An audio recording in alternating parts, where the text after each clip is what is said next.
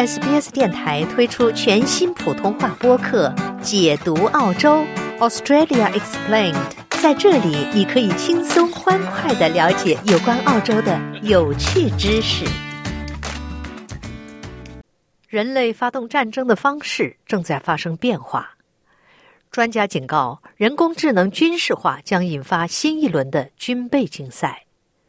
Toby Walsh 教授是新南威尔士大学人工智能研究所的首席科学家。You're familiar with seeing drones flying above the skies of Afghanistan and Iraq. Those are still 你们对阿富汗或伊拉克天空中飞行的无人机肯定很熟悉，但他们仍然需要人类来操作，需要人去做决策，人类掌握着决定权。但越来越多的无人机由计算机运作，而且由计算机来做最终的决策，由计算机来去选择地面的袭击目标和杀伤目标。根据联合国的说法，自主武器系统在无人监督的情况下定位、选择和攻击人类目标。这些系统也被称为杀人机器，可以依赖于诸如体重、年龄和种族等数据来识别和攻击。AI is being used to um, to kill people based on their data footprint. We know that uh, AI is used by many militaries. Olga Buchak 博士是悉尼大学数字文化讲师和社会学家。人工智能被用来根据数据化的足迹杀人。我们知道，世界上许多军队正在使用人工智能来识别潜在的威胁，这被称为元数据致死。这是因为某人的数据化足迹与已知恐怖分子的足迹相似。resembling that of a known terrorist。联合国的一份报告称，首次无人机自主攻击发生在2020年，当时在利比亚的军事冲突中部署了土耳其制造的无人机。此后，这种类型的武器在其他冲突中也发挥了作用，包括乌克兰战争。根据澳大利亚国际事务研究所的说法，俄罗斯、中国、以色列、印度、美国、英国和澳大利亚都是在军事应用领域中引领人工智能发展的国家。Toby Walsh 教授对此表示 a nation with a significant。以色列是一个拥有强大的武器研发能力的国家。加沙边境本身是监控最严密的边境之地，其中很多监控都是由自主人工智能系统完成的。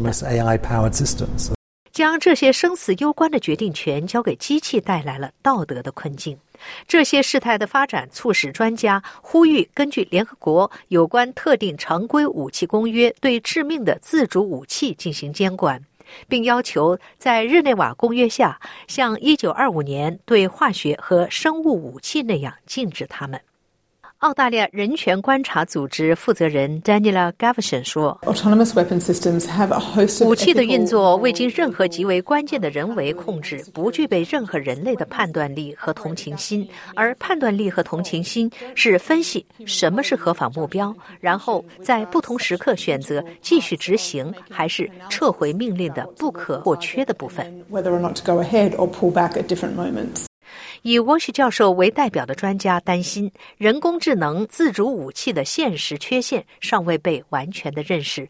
他们敦促在为时已晚之前采取行动。An example, one that probably terrifies me most, is a, a Russian autonomous underwater submarine. It's called Poseidon. Uh, it's the size of a bus. 举个例子，最让我感到恐惧的可能是俄罗斯的自主水下潜艇，叫做波塞冬。和一辆公共汽车大小相当，并且它是核动力的，所以它基本上可以用非常高的速度来行驶几乎无限长的距离，并且据说它还携带了肮脏的核弹，这可能驶入悉尼港，然后通过算法来自主决定是否发动核战争。